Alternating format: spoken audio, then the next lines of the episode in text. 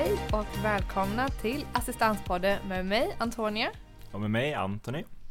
I dagens extrainsatta avsnitt så kommer vi prata om de insatser som LSS-utredningen har lagt fram som är helt nya. Ja. Det vill säga förra avsnittet, i avsnitt ett av de här extrainsatta avsnitten så pratade vi om personlig assistans. Men det är så att eh, i LSS-utredningen så har utredaren lagt fram tre stycken nya insatser som alltså blir det är den stora förändringen helt enkelt med den här LSS-utredningen. Just det, och eh, som vi pratade då om i, i det förra avsnittet så nämnde vi då att det är vissa personer som inte längre har rätt till personlig assistans som då istället hänvisas till att få söka de här nya insatserna om allting blir som LSS-utredningen föreslår helt enkelt. Så att eh, huvudsakligen fokuserar vi på dem i det här avsnittet. Som vi nämnde i förra avsnittet så 2016 så kom regeringen med ett utredningsdirektiv där de ville att utredningen skulle ta fram mer ändamålsenliga insatser och se över LSS. Eh, det som vi pratade om förra avsnittet också då, det var att utredaren lagt fram nya förslag för hur personlig assistans ska utformas. Mm. Men har också då tagit fram nya insatser som utredaren anser är mer ändamålsenliga enligt LSS. Precis, och då har du vissa personer som inte längre då har rätt till assistans enligt det här förslaget då. Till exempel personer som är under 16 år kan inte längre beviljas assistans. Och sen har vi också då personer med psykiska funktionsnedsättningar som behöver hjälp till exempel eh, som kräver ingående kunskaper. Man pratar typiskt sett om aktiv tillsyn av övervakande karaktär. Och de har då inte heller rätt till personlig assistans utan då hänvisas då till de här nya insatserna istället. Precis, för att utredaren tror att alla som kommer att bli av med sina assistansbeslut kommer då att kunna beviljas någon av de här nya insatserna som eh, utredaren menar är mer ändamålsenliga och träffsäkra. Och de tre huvudsakliga förslagen det är eh, de tre insatserna personligt stöd till barn under 16 år, mm. personlig service med boendestöd och förebyggande pedagogiskt stöd. Ja, precis. Och vi tänkte väl börja med att prata om just personligt stöd till barn och hur det då är utformat.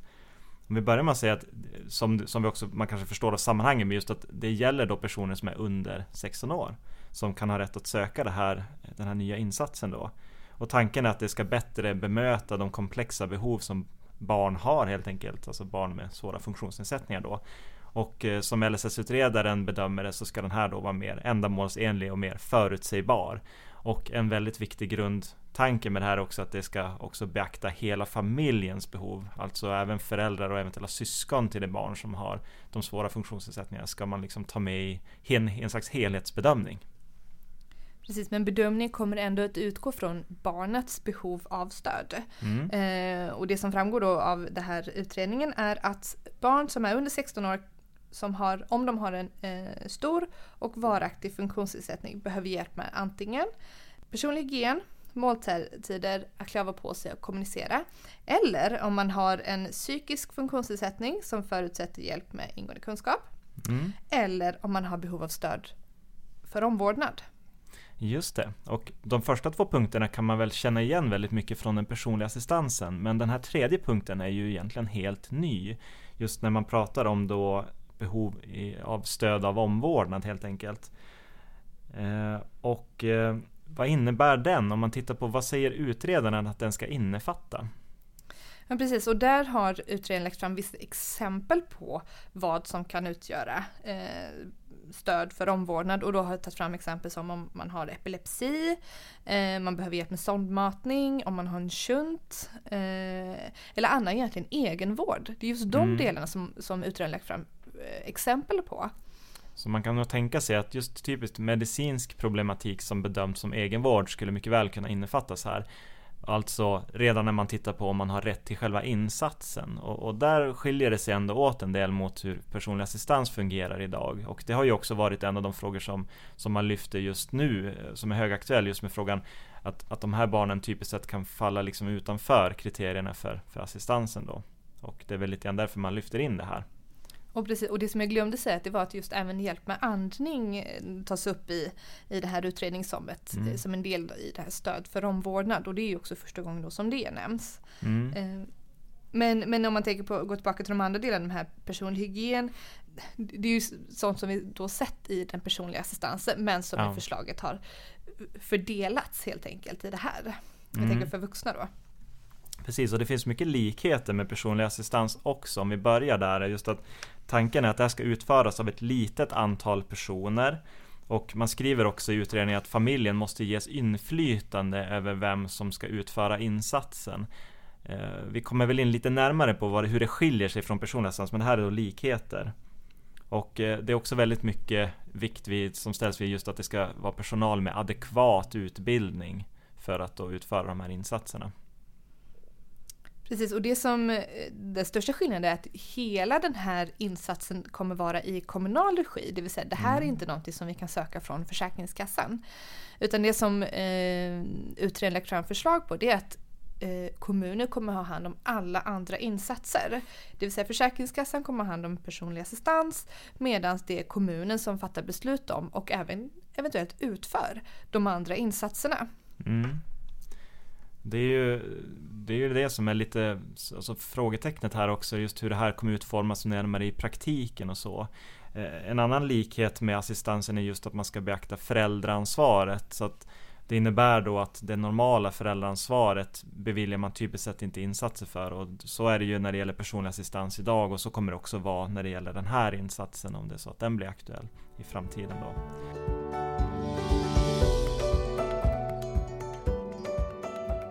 Ja, eh, och en annan likhet också som, som man, man kan tänka sig utifrån assistans är att man i utredningen föreslår att man ska kunna bevilja det här i form av ett visst genomsnitt antal timmar per vecka. Men det är lite oklart där i vilken omfattning man tänker sig. Alltså ska man utgå ifrån en enskildes behov som man gör med assistansen eller kommer det se ut på ett annat sätt? Och en fråga som man också bör ställa sig är att finns det en risk för delvis för schabloner och sen är det också en fråga Kommer det se olika ut i olika kommuner? För det är inte säkert att de kommer göra exakt samma bedömning i alla kommuner. Nej, precis. Och det framgår inte riktigt av utredningen exakt vad den här insatsen kommer att vara. Mm. Det, men det som utredningen menar är att de vill att det på något sätt ska likna assistans. Men sen så är det faktiskt upp till varenda kommun att, utföra, eller att avgöra hur insatsen ska se ut. Och det är även upp till kommunen att välja om det är de själva som ska utföra insatsen eller om man ska få välja en anordnare. Eh, och så vidare. Just det. Jag kan ju säga rent spontant så känns det ju som att eh, på många sätt skulle man nog kunna likna det mer med hur, hur insatser enligt socialtjänstlagen känns utformade snarare än just personlig assistans här. För där flyttar man lite grann självbestämmande rätten från den enskilde till kommunen. Och man säger att den enskilde, alltså föräldrarna till exempel, ska ha inflytande över insatsen. Men i slutändan är det ändå kommunen som, som avgör hur den ska tillgodoses och utföras då. Men kan man se någonting positivt med den här, det här förslaget? Ja, det tycker jag väl ändå att man kan. På så sätt att det fångar upp vissa av de här barnen som, som typiskt sett, som jag nämnde också, faller utanför Eh, just rätten till personlig assistans utifrån att de här grundläggande behoven som vi har idag som avgör om man har rätt till insatsen eller inte. De, de är lite, lite för fyrkantiga för att, för att man ska kunna fånga upp alla barn och, och alla typer av hjälpbehov som man typiskt sett kan ha om man har svåra funktionsnedsättningar idag. Sen så kan det ju vara bra att man tittar till en, en helhet. Alltså man tittar inte bara på barnets behov utan man tittar på hela familjen och syskons. Uh, och det kanske saknas, eller jag kan tycka att det saknas idag att man tittar på en helhetsbedömning. Mm. Men det är klart att man måste utgå från barnets behov i första skedet. Mm. Precis, så det skulle kunna vara någonting positivt också. Jag funderar lite på det här med just att skulle man inte kunna tillgodose de här behoven inom den personliga assistansen tror du? Jo, och det är det som blir så märkligt varför man väljer att lyfta bort det helt från assistansen när man sen utför, eller utformar en insats som i stora delar ska likna assistansen. Men mm. man lägger det eh, på kommunen och eh, det framgår ändå i utredningen att utredaren anser att det är kommunen som har den största möjligheten att ta fram kompetent personal. Ja. Och det jag vet inte om jag riktigt håller med där för att som vi ser idag så är det svårt att hitta kompetent personal eh, i många fall. Mm. Och jag ser inte på vilket sätt som kommuner kommer ha större möjlighet att hitta en kompetent personal jämfört med kanske anordnare.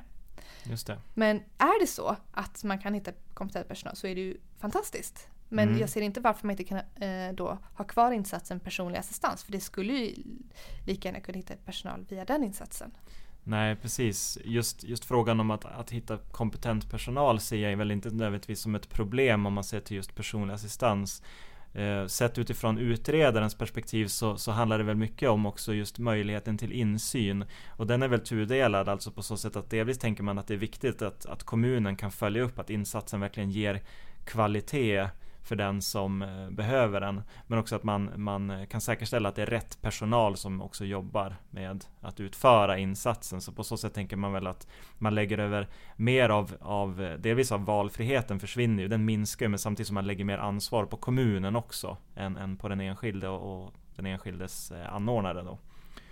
Så det är väl en, en av förändringarna som det skulle innebära. Och det är väl också det som har också mötts av kritik, att just mm. ta bort valfriheten för familjen att välja assistenter. Men också för man är orolig för att det ska ske så otroligt många olika bedömningar ja. Eh, från de olika kommunerna. För vi har ju ungefär 290 kommuner. Det kan innebära 290 olika tolkningar om vad den här insatsen ska innebära. Precis.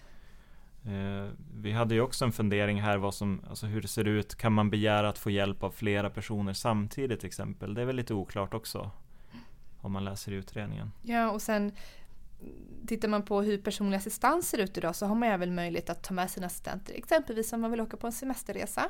Mm. Eh, det är ju ganska vanligt att familjer vill åka iväg på en semesterresa eller åka och campa eller vad det nu kan vara. Finns den möjligheten kvar med det här stödet? Kommer man kunna ta med det här stödet som kommunen ska ge för att kunna precis, åka på en resa? Det, det är lite sparsmakat i utredningen vad som framgår egentligen och vad som ska, den här insatsen ska innebära. Ja, men en jättebra fråga Antonia. Väldigt bra fråga.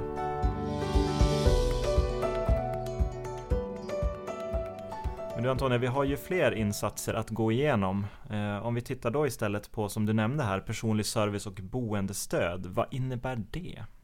Precis, detta är också en ny insats som utredaren har lagt förslag på eh, och som även då kommer beviljas av eh, kommunen. Eh, detta, denna insats innefattar praktisk hjälp i hemmet och även för deltagande i samhällslivet. Det vill säga det är någon sorts, när man slagit ihop hemtjänst och ledsagarservice i en insats. Just det. Eh, och i och med den här insatsen så har man också valt att ta bort eh, ledsagarservice. Ja, och har liksom bakat in det här i, det här i denna insatsen. Eh, den här insatsen kommer innebära att man kan få hjälp med olika motivationsåtgärder, ledsagning och även stöd vid föräldraskap. Eh, eller något motsvarande stöd som den enskilde behöver i sin livsföring. Just det, så då menar de alltså för den som själv är funktionsnedsatt och har ett barn och behöver hjälp för att kunna ta hand om sitt barn då. Så kan man också få det genom den här insatsen är tanken då. Eh, och de nämner ju också att, att det ska ge en större möjlighet för unga att få ett ökat självbestämmande och det är väl tanken att i, i, i, takt med att man blir äldre så kanske man vill frigöra sig mer från familjen och för föräldrarna och sådär. Så att eh, tanken är att det ska öka den möjligheten då på något sätt.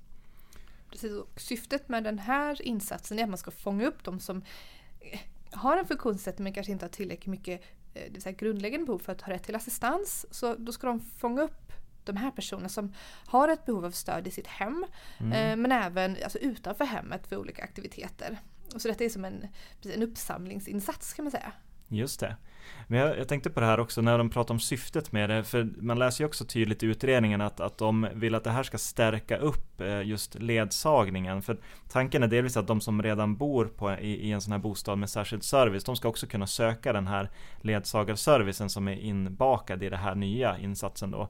Men eh, man har också sett en problematik i att det är färre som får ledsagarservice idag än tidigare. Men Rent konkret så ser jag inte hur det här på något sätt skulle förändra den praxis som finns kring ledsagning idag.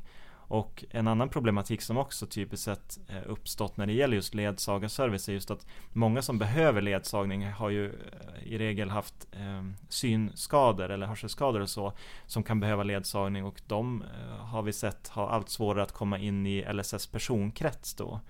Och då är frågan om de verkligen kommer att vara berättigade till att kunna söka den här insatsen. Så att där ser jag en del, en del problem, eller vad säger du Antonija? Mm, ja men jag håller med. Mm. Men det som eh, utredaren just nämner gällande just den här insatsen det är att personer med funktionsnedsättning ska kunna ha möjlighet att bestämma vart man vill bo helt enkelt. Så att man ha, kan uh, ha möjlighet att bo hemma ja. och få hjälp och stöd med, uh, med det som, som är liksom kopplat till hemmet. Precis, och den är ju typiskt riktad till de personer som, som behöver mycket hjälp men som inte har rätt till just personlig assistans till exempel. Så, så det blir väl ett komplement kan man tänka. Mm. Och det kan vi särskilt se idag att ett sånt här stöd kan behövas för att personer som, som kanske fysiskt sett kan utföra en insats men behöver motivation för att göra det helt eh, blir utan assistans för att det här inte ingår i det som berättigar till personlig assistans. Precis.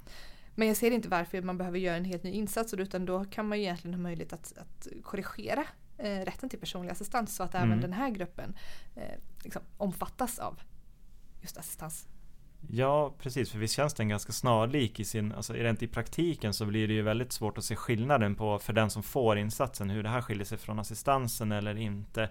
Men rent, rent konkret blir det ju också såklart så att, att valfriheten för den som får insatsen kanske minskar också jämfört med personlig assistans om vi ska jämföra de båda insatserna så att, att även här då som vi pratade om i den förra insatsen att här ligger ju ansvaret på kommunen och det är då kommunen som väljer vem som ska utföra insatsen åt den som får den. Så.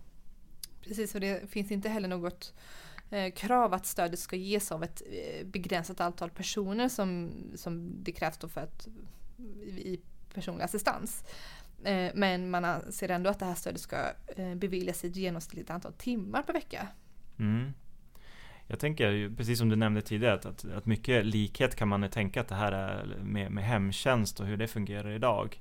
Och eh, kombinerat med ledsagarservice. Så det är ju Jag vet inte hur nyskapande det känns som förslag faktiskt. Men just det faktum att man lyfter in det i LSS kan ju ha en fördel också i och med att det finns vissa kvalitetskrav i LSS som då måste vara uppfyllda också. Så det, det, det, kan vara positivt ändå om man nu skulle jämföra med att man tillgodoser det genom till exempel socialtjänstlagen. Då. Men det som vi också pratar om när det gäller det andra stödet för just barn är att det är upp till varje enskild kommun att bestämma vad kommer den här insatsen att innebära. Så mm. att det kan ju fortfarande vara så att vi har 290 olika tolkningar av vad just den här insatsen ska vara och hur mycket tid man ska beviljas och även vem det är som ska utföra det. Just det, så ser man till den likvärdighet och förutsägbarhet som man syftar till att uppnå genom den här LSS-utredningen så kanske det finns en del att efterfråga just i den frågan. Då. Ja, ska vi gå över till den tredje nya insatsen som utredningen har lagt fram förslag på? Det vill säga förebyggande pedagogiskt stöd. Det tycker jag absolut Antonia. Ja, och vem är det som kan omfattas av just den här insatsen? Jo men Antonia, de som kan beviljas den här insatsen är typiskt sett personer med psykiska funktionsnedsättningar som behöver tillsyn eller aktiv tillsyn från någon med ingående kunskaper. Det kan också handla om vad man då i juridiska termer tänker sig som eh, kvalificerade aktiverings och motivationsinsatser. Och det är ju typiskt sett någon som behöver hjälp av någon med ingående kunskaper som, som känner den väldigt väl, som då beskriver eller liksom motiverar den i de olika stegen i dagen. Ja, vad man behöver hjälp med helt enkelt. Och det gäller då också för personer som är över 16 år. Vi pratade lite om i förra avsnittet om att just den här delen, det är det som har lyfts ur den nuvarande assistansen och därför har man gjort en helt egen insats. Den här insatsen, förebyggande pedagogiskt stöd, det är ingenting som man kan söka kombinerat med personlig assistans enligt det nya förslaget. Utan det här kommer då bli en helt egen insats. Och det är inte bara det här tillsynsbehovet som ska omfattas av den här insatsen utan även om man har behov av praktiskt stöd med personlig hygien och även kanske hushållssysslor som jag förstått det. Just det, så tanken är att det ska tillgodose alla de behov som man har men det som berättigar till insatsen är väl då typiskt sett att man har de här första behoven som vi beskrev då. Och anledningen till att eh, utredaren lagt fram det här förslaget att bryta ut det och göra som en helt egen insats, det är att utredaren menar på att personlig assistans kanske inte är helt lämpligt för den här målgruppen. Eh, och varför är det så? Eller varför anser eh, utredaren att det är på det här viset?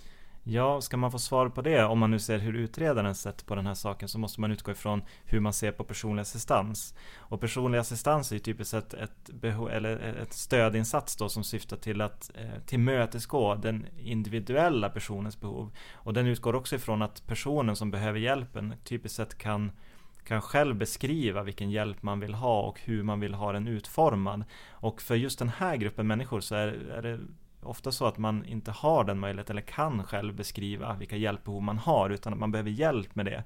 Och då är det oftast en företrädare för personen som till exempel ger instruktioner för hur stödet ska lämnas och så. Och då menar man på att det inte personlig assistans är liksom inte utformat egentligen för att fånga upp den här gruppen människor. Och sen menar man också på att det, det ofta krävs en viss typ av kompetens för att hjälpa sådana här människor, eller människor då som har de här hjälpbehoven. Just att, att kunna tillgodose dem då. Det som jag funderar på som är lite som en farhåga det är att som vi också sagt tidigare så har utredarna inte lagt fram något förslag på att ändra den bedömning som sker just nu om de grundläggande behoven. Mm. Det vill säga med det här, eh, de här förslagen så följer den tidigare bedömningen med. Och det vill säga att eh, det som bedöms som ingående kunskap idag det är otroligt snävt. Eh, ska det följa med även till den här Eh, till den här insatsen så kommer det innebära att det är väldigt få som med dagens bedömning kommer att kunna beviljas den här insatsen. Och risken är väl ganska stor att det blir så eftersom man använder ju faktiskt samma begrepp. Att man pratar just om personer som behöver hjälp av någon med ingående kunskaper om personen. Och då är ju risken också att man helt enkelt gör en Alltså att man, man hämtar in de tolkningar man har gjort tidigare utifrån personlig assistansen. Just för att göra den här bedömningen också. Men en annan sak som jag tänker på Antonija, det är just det här med att man pratar om att, att det oftast krävs eh, en viss typ av kompetens för att jobba med de här människorna. Både sett från den som utför alltså insatsen då, vi tänker väl personliga assistenter nu, men, men de som kommer att utföra det pedagogiska stödet då enligt den här nya insatsen då. Alltså att de ska då, då, även de och eh, organisationen ska ha den här kompetensen som krävs för att kunna utföra insatsen på ett bra sätt. Men ser man på den här gruppen människor så är det ju ofta så att de den kompetens som behövs handlar mycket om erfarenhet, att lära sig att, att hjälpa de här personerna på ett sätt som passar väldigt bra. Liksom personanpassat stöd. Och utifrån den tolkningen så tänker jag nästan att personlig assistans i grund och botten kanske är en bättre lämpat stöd ändå. Alltså, för det handlar ju inte nödvändigtvis om en, en utbildning på, på högskola utan det handlar om att, att jobba in sig och där tänker jag att utredaren sätter väldigt stor tilltro till att det är kommunen som kommer att hitta den här väldigt kompetenta och lämpliga personalen som ska kunna jobba med de här personerna. Men mm. vi får väl se hur, hur det kommer att, vad det kommer att innebära för att precis som i de tidigare insatserna som vi har pratat om så lämnade ju utredaren väldigt mycket till kommunen att bestämma vad det kommer att innebära för insats. Precis. Så man kan ju kort och gott säga att valfriheten för den som behöver hjälpen den minskas genom den här nya insatsen. Då. Precis. Och det har jag även utredningen tagit, fram, tagit upp att eh, det kommer vara så att eh, den enskilde inte har helt full fri inte har fri valmöjlighet att få bestämma vem som utför stödet. Mm. Men de menar ändå på att man ska ha inflytande över vem det är som kommer utföra stödet. Men det frågan är då hur mycket inflytande kommer faktiskt ha i praktiken? Just det. Och anledningen att man vill göra det, det handlar väl mycket om just den här att kommunen ska ha den här insynen som behövs då, som man menar, för att kunna säkra kvaliteten i insatsen. Om man då förstår utredaren rätt.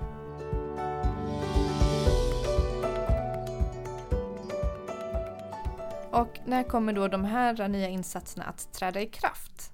Ja, så det här kommer inte ske i morgon Eh, utan går allting igenom och accepterat allting som det är så kommer det finnas vissa övergångsbestämmelser. Och tanken som utredaren lagt fram det är att man ska starta igång det här från och med 1 januari 2022.